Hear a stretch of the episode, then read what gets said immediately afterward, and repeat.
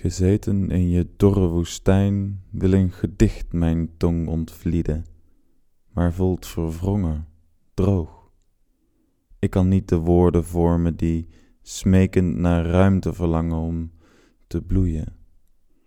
Daar in plaats storten zij als je kisten neer, zich voegend bij het gewicht van het verval, ongesproken, opgehoest, als de brandende boeken die rusten in mijn schoot, mijn handen.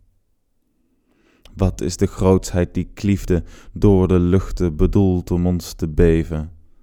Is het de kist des doods, metalen doos, kist van leven, zaad en wind?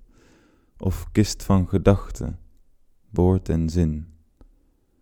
De schalen onbezwaard berust ik, gezeten in je dorre woestenij, jouw gedachten wervelend vertrek ik, een vortex van overpeinzing.